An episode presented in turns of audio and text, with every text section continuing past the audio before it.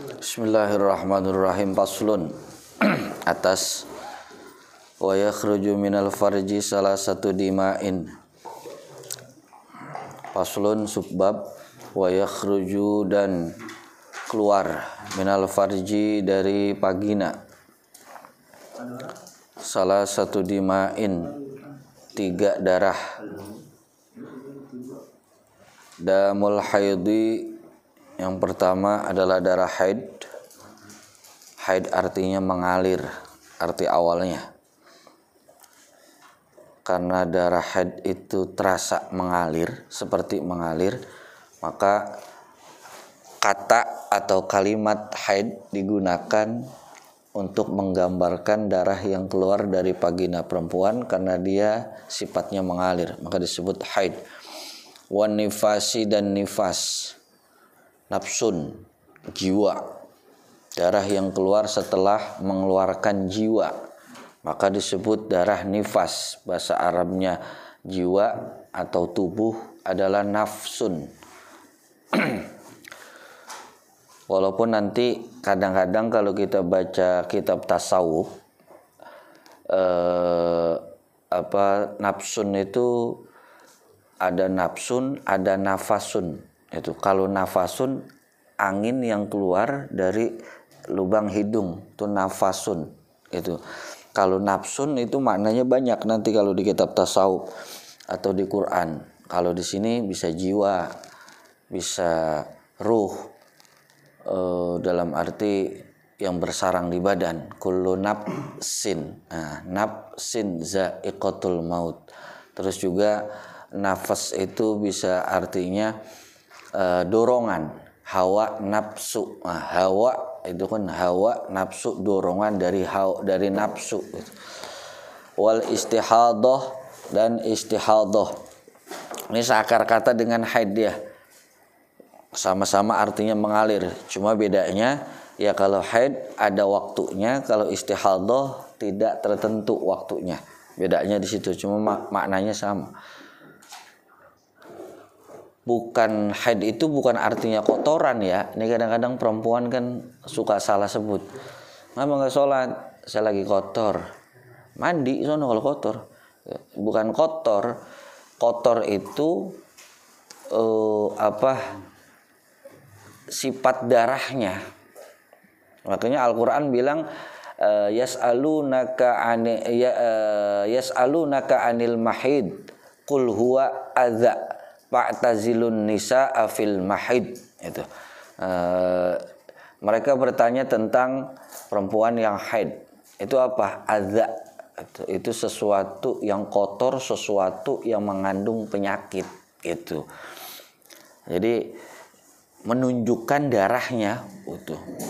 Fal haidu maka yang dinamakan dengan haid huwa adamul khariju min farjil mar'ati ala sabili sihah Huwa head adalah adamu darah al khariju yang keluar min dari farjil mar'ati vagina seorang perempuan ala sabilis sihhati dengan cara atau dalam kondisi as-sihhati sehat ada sehat, ada afiat. Itu dua kata dalam bahasa Arab yang masuk eh, bahasa Indonesia. Kalau bedanya sehah itu sehat badan ini zohir badan luar. Kalau afiyah itu sehat bagian batin. Makanya terkadang kalau kita baca hadis Nabi, Nabi juga pernah e, doa dan menganjurkan kepada kita was'alullah al-afiyah mintalah kamu kepada Allah al-afiyah. Afiyah itu sehat secara batin. Dalam arti kita terjauh dari bencana, dari musibah yang itu nanti kan akan merusak batin kita, hati kita. Orang contoh dapat musibah yang nggak berhenti berhenti itu kan bisa menggoyangkan keimanan yang ada di hati dia. Makanya disebut afiyah gitu. Kita suruh minta biar afiyah biar dalam kita nih sehat hati kita sehat ketika diuji nggak apa-apa. Ya buktinya gampang lah. E, nggak e, usah yang berat-berat. Ban bocor. Mau kerja Senin kemarin bocor. Sabar masih. Selasa bocor lagi. Rebo bocor lagi. Sampai Sabtu bocor terus. Pasti Tuhan disalahin. Ngapa ini? Setan bener tuh. Kan pasti begitu kita. Setan dibawa-bawa itu nggak nggak nggak sadar nggak sabar. Itu makanya api harus dipinta. Inna nas'alukal afa wal afiyah. Min ghairi sababil wiladati. Dari selain sebab wiladah. Wiladah itu melahirkan. Dari kata seakar kata dengan kata walad prosesnya namanya wiladah yang dikeluarin namanya walad anak itu yang ngeluarin anak namanya walid. Wau alif lam dal. Walid. Makanya disebut orang tua bahasa kitanya. Walid itu orang yang punya anak. Walad anaknya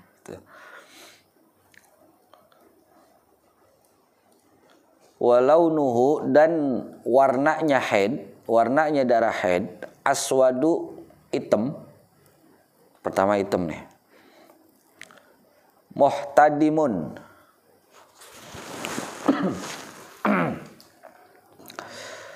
apa rada panas, rada anget. Nah, laki mah kagak paham dah. Perempuan ini yang paham. Rada-rada anget ya darahnya. Ladzaun diiringi dengan rasa sakit. Biasanya di bagian abdomen. Abdomen. Ngerti ya? Ibnu ngerti no? abdomen. Abdomen bro bro ngerti bro ya ya kalau bro udah paham dah pokoknya di bawah pusar makanya kalau ada perempuan haid gitu di TV kan pasti iklannya begini yang dipegang sebelah sini gitu bro-nya kagak ada perempuan iklan dipegang sininya lagi head karena emang keluarnya dari situ prosesnya begitu jadi cirinya darah head ini nanti penting buat laki-laki kalau bagi laki-laki itu hukumnya fardu kifayah belajar head kalau perempuan pardu ain yang kagak bisa digantikan. Kenapa? Karena dia mengalami. Kalau kita, misalkan kita sekampung semua yang laki nih, ya, yang paham katakanlah ajis doang tentang haid. Itu ya. Yang lain nggak ada yang paham. Kita nggak dosa. Itu kenapa? Karena udah ada yang paham. Itu mirip tuh kayak ilmu tajwid. Sekampung harus ada satu orang yang paham tentang ilmu tajwid. Gitu. tapi kalau bagi perempuan tiap perempuan itu wajib hukumnya paham dan ngerti tentang haid. Itu cuma memang kadang-kadang guru laki entah karena dia nggak paham apa karena malu. Sebetulnya kita kalau ngomongin agama ya jangan pakai ngomong malu. Ya memang itu hukum. Itu ya A bilang A B bilang B Cuma kadang-kadang ironis juga, maaf-maaf, kalau pengajian perempuan seharusnya kan yang dikupas persoalan ini lebih dalam. Kadang-kadang ustazahnya nggak ngerti. Atau kadang-kadang yang begini yang seharusnya penting pardoain kalah dengan kosidah-kosidah. Nyanyi kagak berhenti-berhenti. Gitu. Banyak itu. Ya, harus belajar. Ntar anak-anak kita nih, kita sebagai bapak punya anak perempuan, kita nggak pernah tahu kayak saya saya pengennya laki, lahir lah perempuan. Pengen laki, lahir perempuan lagi. Berarti kan mau kagak mau itu ntar kita yang ngajarin. Itu kalau istri kita bodoh itu.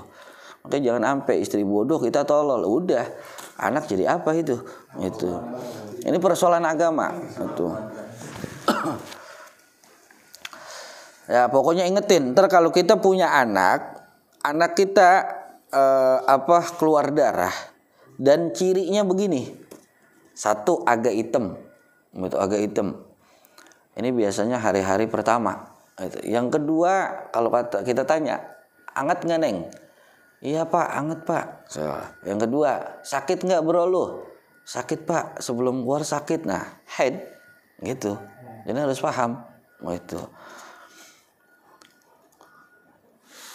Dan keluarnya di vagina. Kalau keluar di dubur, anus, bukan. Itu ambien namanya kalau itu mah. Iya. Pak ini pak tadi buang air besar kok keluar darah. Bagaimana darahnya? Hitam apa kagak? Gitu. Kak itu mah kagak usah ditanya. Mau hitam mau merah mau hijau ambien udah begitu. Arti ambien ya apa? Iya. Jangan pakai itu pokoknya patokannya ini. Makanya tadi saya bilang di sini kenapa dijelasin? Min parjil marati gitu. Dari vagina atau kemaluan depan perempuan. Selain dari itu bukan berarti gitu. Nah kayak nanti ada persoalan kontemporer, persoalan kekinian, gimana hukumnya bagi perempuan yang disesar? Karena perempuan yang disesar itu kan ada yang keluar darah dari vaginanya walaupun disesar ada yang enggak. Itu gimana hukumnya nanti? Kan kaitannya nanti ke mandi juga. Mandi nifas itu. Mereka perempuan-perempuan yang enggak paham itu eh, yang enggak pada ngaji pasti lah gue disesar itu enggak keluar darah darahnya keluar dikit doang ya gue nggak nifas lah nah itu banyak yang pada begitu nggak paham tuh Satu, dalilnya. Nomor dua. Itu kan tadi wiladah ada dalam kurung nomor dua. Ya, nomor dua di bawah garis. Rawa al-Bukhari meriwayatkan Imam Bukhari nomor hadis 290 cek ntar kalau nggak percaya wa muslimun dan Imam Muslim 1211 Nomor hadis 1211. An Aisyata dari Aisyah, istrinya Nabi ini berarti. Emang rata-rata kalau persoalan perempuan itu biasanya itu hadis riwayat dari Aisyah. Kenapa? Ya itu karena persoalan perempuan. Abu Bakar nanya malu sama Nabi, Nabi, Emang kalau perempuan head bagaimana? Emang apa perlu nanya ini? Emang lo head gitu-gitu ntar sama Nabi. Makanya istrinya itu. Makanya kalau ditanya kenapa Nabi istrinya sembilan? Kalau gitu Nabi doyan kawin dong. Bukan. Salah satu hikmahnya ini begini nih. Ketika Nabi ingin menjelaskan persoalan-persoalan agama yang terkait dengan perempuan, Nabi ngomong sama siapa? Kalau sama istrinya kan, dan istrinya dari sembilan itu pasti mengalami hal yang berbeda.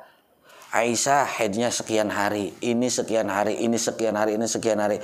Terus dijelasin sama Nabi, kamu begini hukumnya, kamu begini, kamu begini. Ketika mereka udah dapat penjelasan dari Nabi, mereka bergaul dengan wanita yang lain, mereka sampein. Itu tujuannya begitu. Itu sebenarnya begitu. Dan juga kalau ustadz bininya misalkan tiga, empat, jangan buru-buru curiga, dua asar, ustadz bandot, misalnya gitu.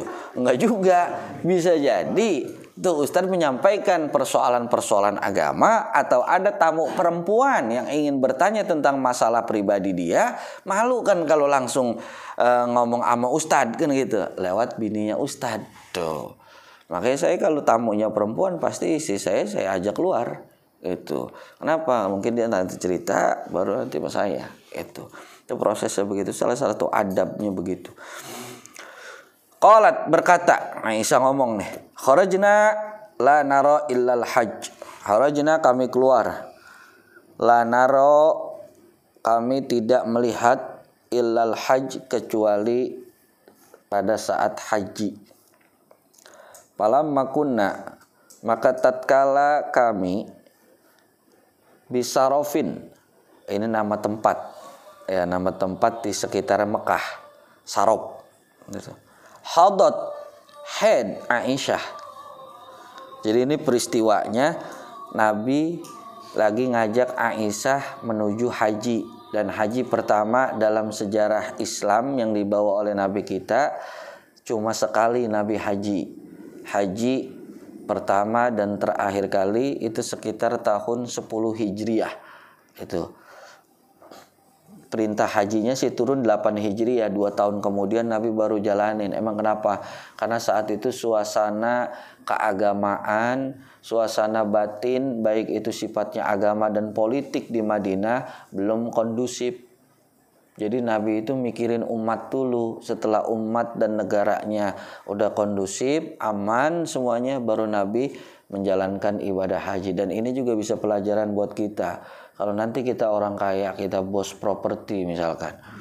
Ya, banyak punya duit tapi kanan kiri kita banyak janda tua yang kelaparan, anak yatim. Nah, itu dulu santunin. Itu udah rapi semuanya, baru silakan pergi haji. Itu yang diajarin Nabi begitu. Pada khala alaiya Rasulullah pada khala maka masuk alaiya kepadaku kata Aisyah Rasulullah Rasulullah sallallahu alaihi wasallam wa ana dan saya abeki sedang menangis. Jadi Aisyah nangis. Nabi masuk. Masuk mana? Dalam kemah. Qala berkata atau bersabda Nabi kita Muhammad, "Malaki? Kamu kenapa?" Anapisti apakah kamu nifas? Nah, ini lagi ada kalanya apakah kamu nifas apakah kamu haid? Ada kalanya di hadis kalimatnya bicara tentang nifas tapi yang dimaksud adalah haid. Nah itu disuruh makanya disuruh berguru tuh kalau orang baca terjemah doang ini bisa dia terjemahin anapisti apakah kamu nifas? Tuh padahal dalam sejarah Aisyah nggak pernah melahirkan. Kan gitu nggak punya anak Nabi dari Aisyah. Maka anapisti apakah kamu haid itu kultu aku berkata kata Isa naam ya. Kala bersabda Rasulullah jadi Aisyah pas haid nangis. Emang apa nangis? Nah ini tadi karena peristiwanya lagi haji itu. Dia berpikir bahwa orang haji kagak eh, orang haji harus suci. Kalau dia head maka dia tidak bisa melaksanakan haji. Itu makanya dia nangis sedih. Itu udah capek-capek berangkat dari Madinah. Eh udah musim haji dianya head nangis ditanya sama Nabi. Tuh nah itu juga nih pelajaran kita kita sebagai laki-laki. Kalau istri lagi nangis tanya.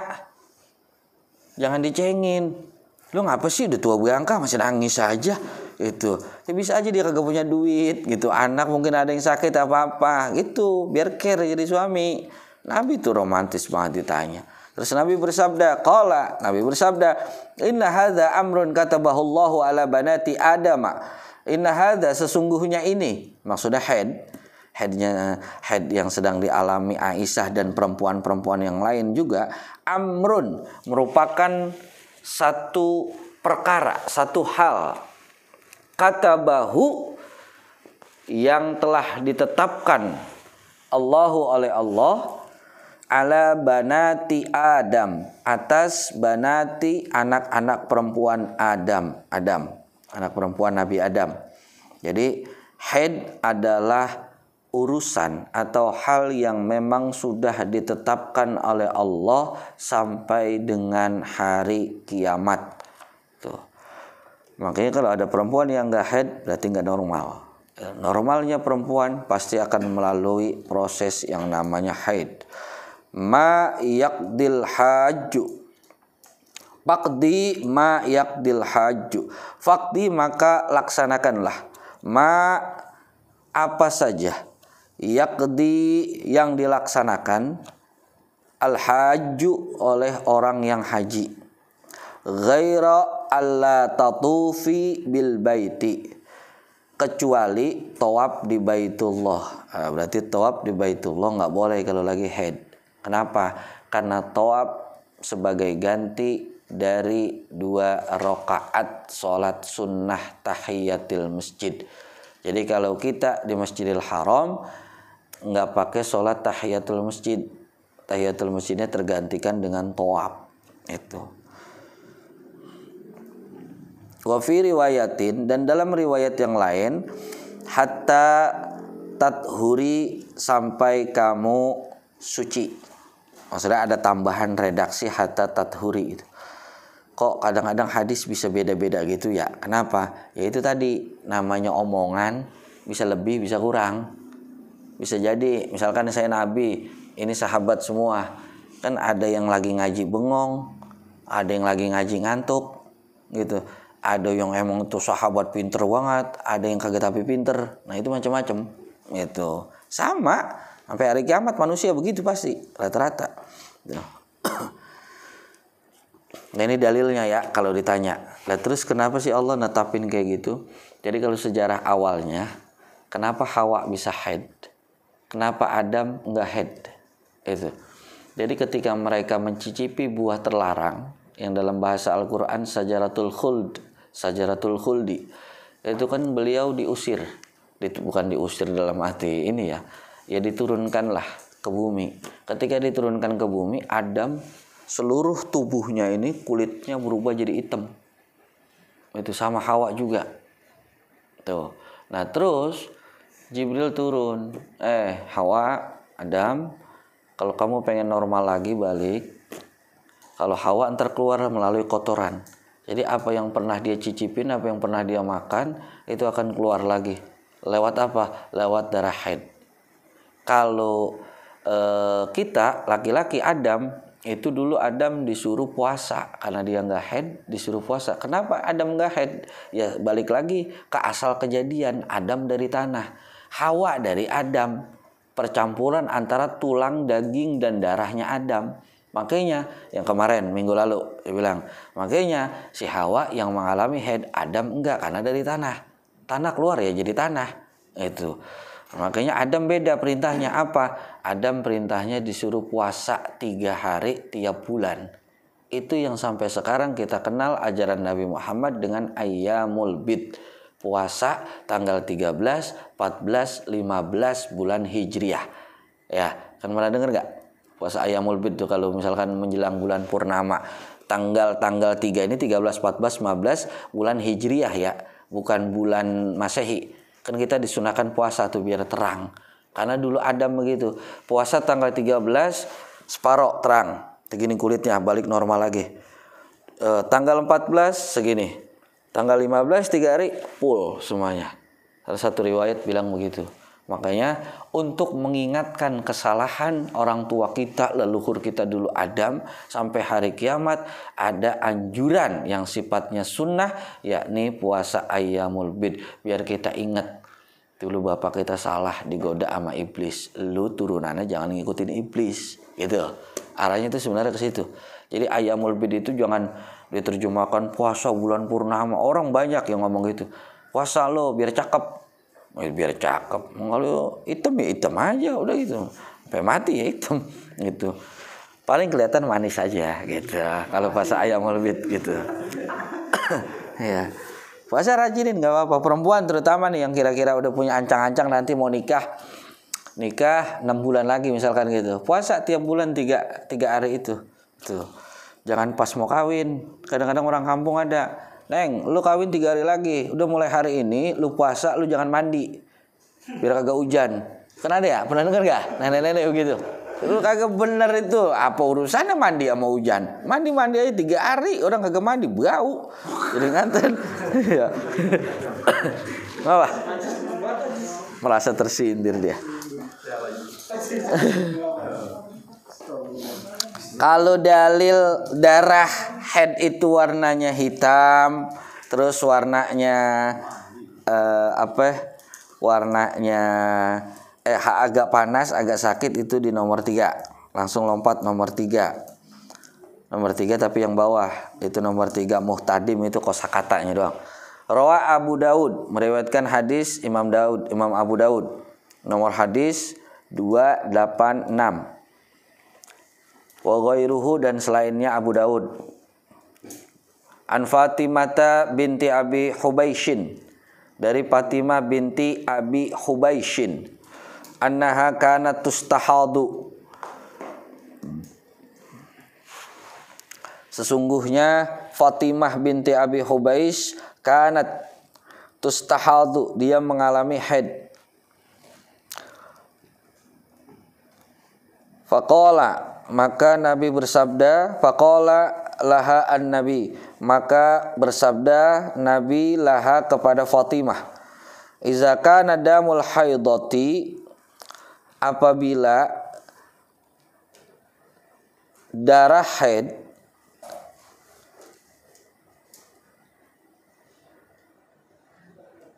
atau apabila kondisi darah haid fa innahu damun aswadu yu'rab. Maka sesungguhnya darah haid itu damun aswadu darah yang hitam yu'rafu yang dikenal. Maksudnya bisa dilihat gitu bisa dibedain mana hitam mana merah itu. Fa idza kana dzalika jadi ini ropo itu kaitannya antara sama perempuan. Perempuan udah bisa bedain ini merah ini hitam gitu kalau kita laki-laki mah agak susah.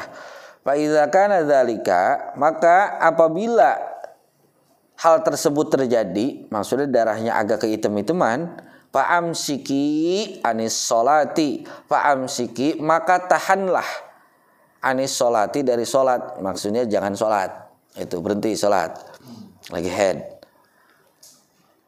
Fa'idha al akhor maka apabila darah tersebut tidak seperti warna hitam yang telah dipahami atau diketahui oleh banyak wanita fatawaddoi maka wuduklah kamu wasolli dan sholatlah kamu. Berarti darah istihadoh. Itu. Jadi kalau darahnya nggak hitam terus lagi e, tidak sesuai dengan kebiasaan perempuan tidak didahului rasa sakit tidak terasa hangat Walaupun kadang-kadang istihadah itu juga sakit juga kata sebagian perempuan yang pernah saya tanya. Tapi kebanyakan itu nggak sakit itu. Jatuhnya yang kedua nih Pak al akhor itu bicara tentang istihadah. Fatawaddoi maka wuduklah wasoli dan sholatlah berarti kalau istihadah tetap wajib sholat haid enggak Caranya gimana nih yang perempuan dan nanti kamu punya istri tolong ajarin kalau mengalami istihadah. Pokoknya istihadah itu darah yang keluar selain di masa haid. Kalau perempuan misalkan haidnya tanggal 1 sampai tanggal 7 di setiap bulan dan dalam mazhab Syafi'i itu paling banyak 15 hari. Ternyata istri kita bulan Maret haidnya sampai 25 hari berturut-turut. Maka kalau memang dari tiap bulan, tiap tahun dia itu headnya tujuh hari doang, maka yang terhitung head adalah tanggal 1 sampai tanggal 7. Tanggal 8 sampai tanggal 25 jatuhnya istihadah. Tapi kalau perempuan atau istri kita ini headnya emang lompat-lompat, katakanlah tahun 2000 tahun 2020 dari bulan Juni Juli eh, 7 hari Agustus September 10 hari Des November Desember 12 hari. Ini tuh kan ngacak tuh. Dan ternyata di bulan Maret dia headnya 25 hari. Berarti yang kita ambil adalah jarak terlama head menurut mazhab syafi'i. Berapa? 15 dari tanggal 16 ke tanggal 25 berarti berapa tuh? 10 hari ya? Itu hitungannya istihadoh. Udah pasti jadi kalau udah lewat dari 15 dia masih keluar darah juga apa pun warna darahnya itu jatuhnya istihadoh. Atau nih head terakhir katakan tanggal 7. Kalau dalam mazhab sapi ketemu head lagi paling cepat ya paling cepat nih ya paling cepat itu 15 hari. Kalau ini tanggal 7 tambah 15 hari berarti apa? 23. Ya. Kalau tanggal 23 dia keluar darah, dan cirinya hitam, berok agak sakit, berarti head yang kedua. Tapi kalau dia keluar darahnya di tanggal 20 dari jarak tanggal 7 ke 20 berapa? Baru 13 hari. Berarti darah tanggal 13 ini bukan darah head. Kenapa? Jarak dari head terakhir menuju head kedua kurang dari 15 hari. Paham ya? Itu. Kalaupun dia headnya dari tanggal 13, ternyata headnya ke sono 10 hari. Berarti dari 13 tambah 10 sampai tanggal berapa? 23 ya. Sampai tanggal 23. Ini kan tadi kurang 2 hari. Nyukupin tanggal 5 nyukupin 15 hari dulu dari tanggal 7. Berarti 13 14. Kan itu 2 hari itu ya. 15 keluar darah kan tadi saya bilang 10 hari ke sono berarti dari 15 sampai tanggal 23 itu darah head yang kedua itu jelas nih ya? Jelas. Perempuan jelas. Iya, itu istihadonya berarti tiga hari doang. Itu kalau memang kondisinya begitu itu namanya kalau dalam pikih namanya mutahayyirah perempuan yang bingung kan banyak ada yang muqtadah mumayyizah muqtadah ghair mumayyizah ada perempuan yang udah terbiasa head dan dia bisa membedakan ada perempuan yang terbiasa haid tapi masih bingung. Itu ada perempuan mubtadi'ah ah gair mau mumayyizah. Ada perempuan yang baru pertama kali head tapi dia nggak bisa membedakan.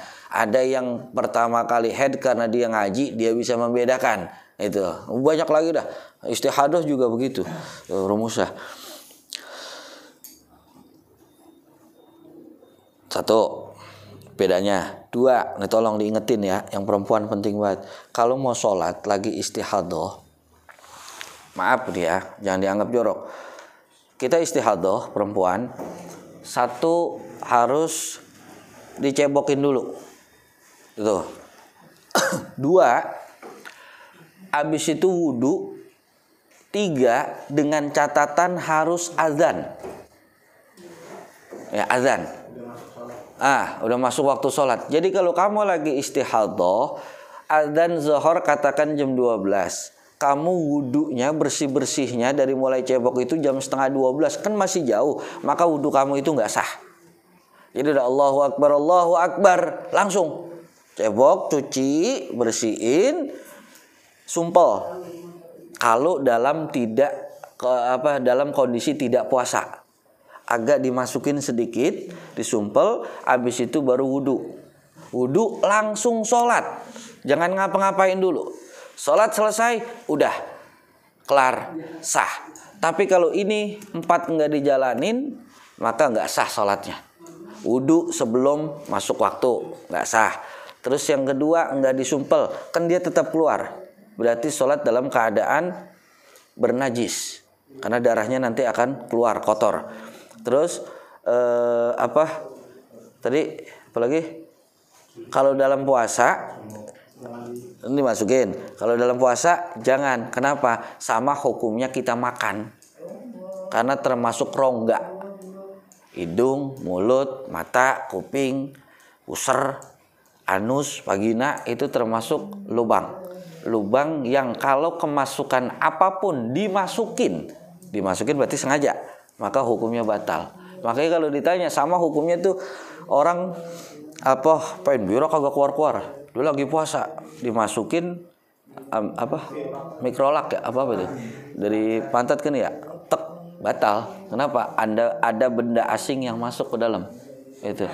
Kalau suntik bagaimana? Nah suntik itu baru ada perbedaan ulama.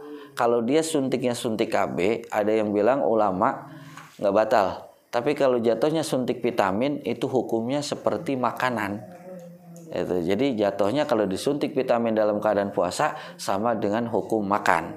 Itu. Ya, ya.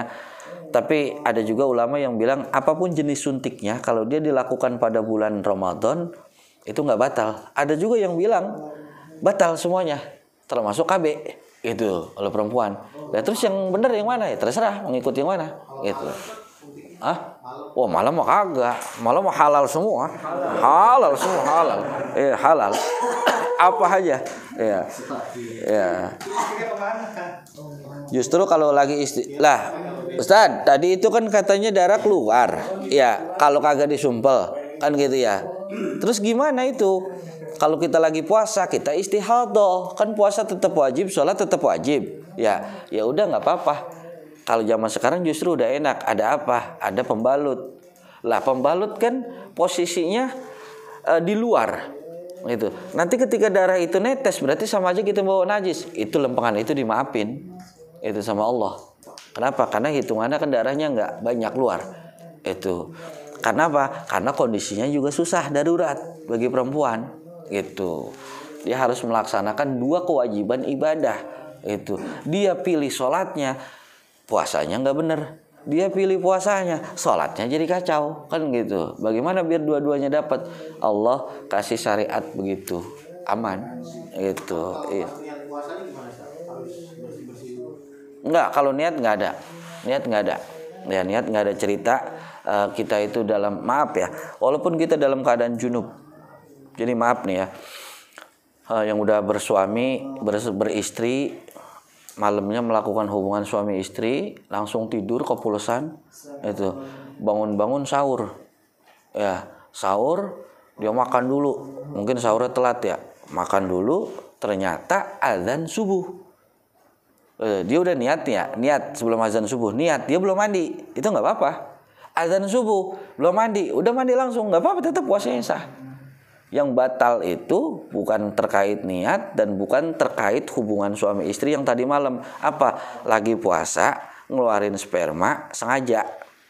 Baik itu dengan istri atau dengan manual. Ya, tangan sendiri. atau tangan istri atau sampai lagi tangan orang tangan teman gue pinjam tangan lu dulu gitu lah itu ya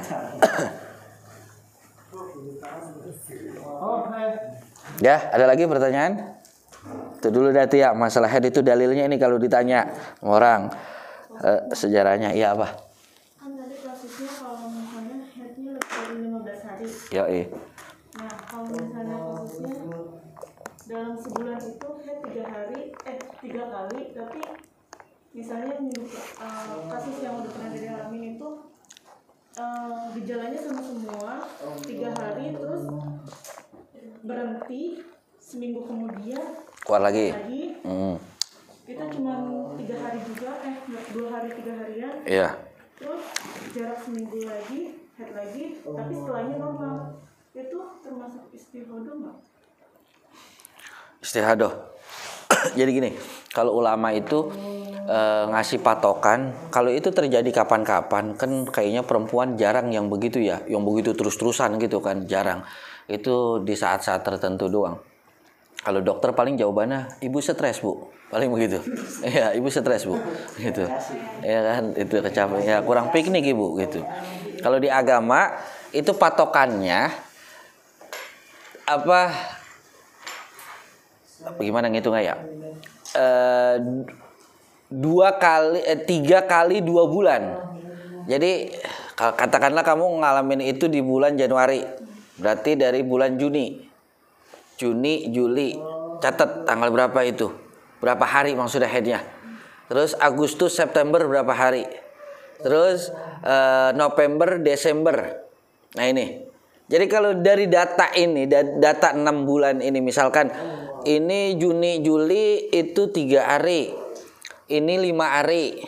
Ini tiga hari lagi. Berarti yang kita ambil mana? Suara terbanyak apa? Ini ada empat bulan kan tadi nih yang sama-sama tiga. Maka bulan Januari kalau terjadi kasus kayak gitu yang kita ambil berarti kita headnya cuma tiga hari. Setelah tiga hari itu mau keluar darah berapa kali kayak jaraknya itu tetap hukumnya istihadoh itu. Tadi kan kasusnya seminggu kemudian keluar lagi. Berhenti dua hari tiga hari. Seminggu kemudian keluar lagi itu itu tetap jatuhnya yang tiga hari depan doang. Tapi nanti kamu hitung. Dari tiga hari terakhir ini sampai nanti tanggal 23 atau 24 itu kalau kamu headnya biasanya tujuh hari. Tapi kalau dari tiap bulan yang udah-udah itu cuma memang cuma tiga hari berarti jarak ketemu headnya lagi itu sekitar nambah 27 27 hari. Berarti 3 27 tanggal 30 kamu head lagi. Jadi kalau dari tanggal 4 sampai 29 ada keluar darah nggak di antara ini? Kalau keluar darah istihadah. Itu. Kalau keluar darah Ustaz sampai tanggal 31 berarti yang 30 dan 31 ini head. Yang ini kemari bukan sampai tanggal 4 patokannya. Itu. Jadi itu pentingnya perempuan harus ingat begitu. Tapi kalau misalkan ya boro-boro Ustadz menyatat gituan pokoknya patokannya umumnya aja. Seingat kamu kamu berapa? Head biasanya sih tiap bulan cuma tiga hari atau empat hari. Ya itu. Berarti jarak ke depannya tinggal kita ambil yang paling cepat 15 itu 4 tambah 15 berarti 19 kalau tanggal 20-nya kita keluar darah berarti head.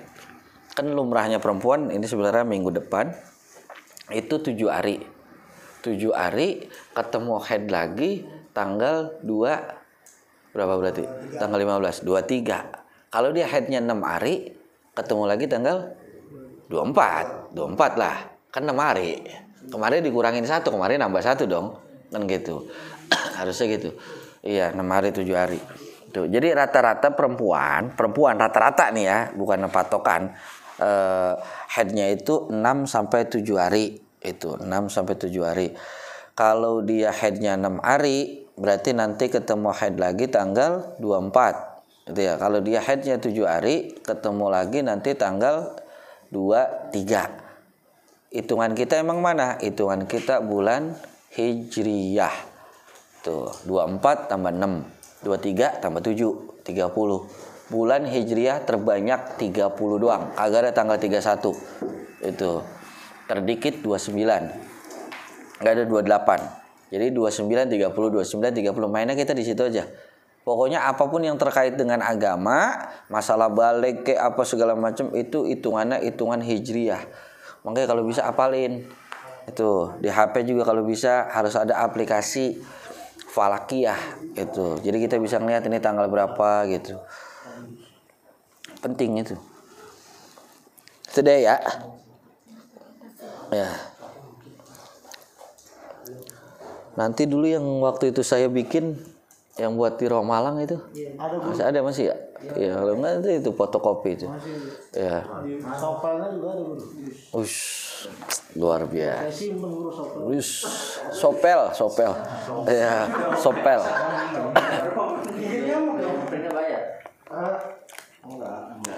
Cuman berapa? 11 lembar apa ya kalau nggak salah. Itu di situ saya jelasin itu.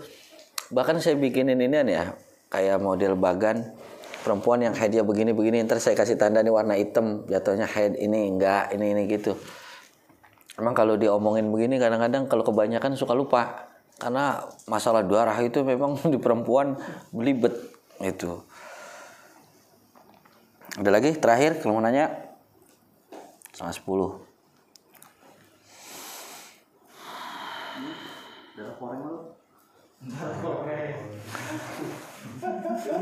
Kalau nggak ada, ini tadi terakhir hadis yang nomor tiga itu kan ditutup pak inama huwa irkun. Irkun itu kalau bahasa kita urat, bahasa kita urat. Makanya orang head itu sakit nih salah satu kemukjizatan Nabi Muhammad. Nabi Muhammad bisa tahu, Nabi nggak pernah head tapi Nabi bisa tahu head itu keluarnya. Jadi bahasanya itu sesuatu yang mirip kayak urat. Apa? Ya tuba palopi. Kan begitu ya? Kan rahim dua. Ngeng gitu kan ya? Nah kemarin gambarnya kan gitu. Tuba palopi ovarium mengandung opum terus tuba palopi baru pagina kan gitu. Kan dia kayak selang gitu. Nah itu Nabi luar biasa. Padahal kan zaman dulu nggak ada penelitian apa apa Nabi tahu bahasanya air kun itu salah satu kemujizatan. Iya. Makanya jangan ragu dah Islam jangan ragu. Tuh Dah ya kalau nggak ada kita tutup dengan pembacaan doa. Astagfirullahaladzim. Bismillahirrahmanirrahim. Alhamdulillahirabbil alamin. Allahumma shalli wa sallim ala sayyidina Muhammad wa ala ali sayyidina Muhammad. Allahumma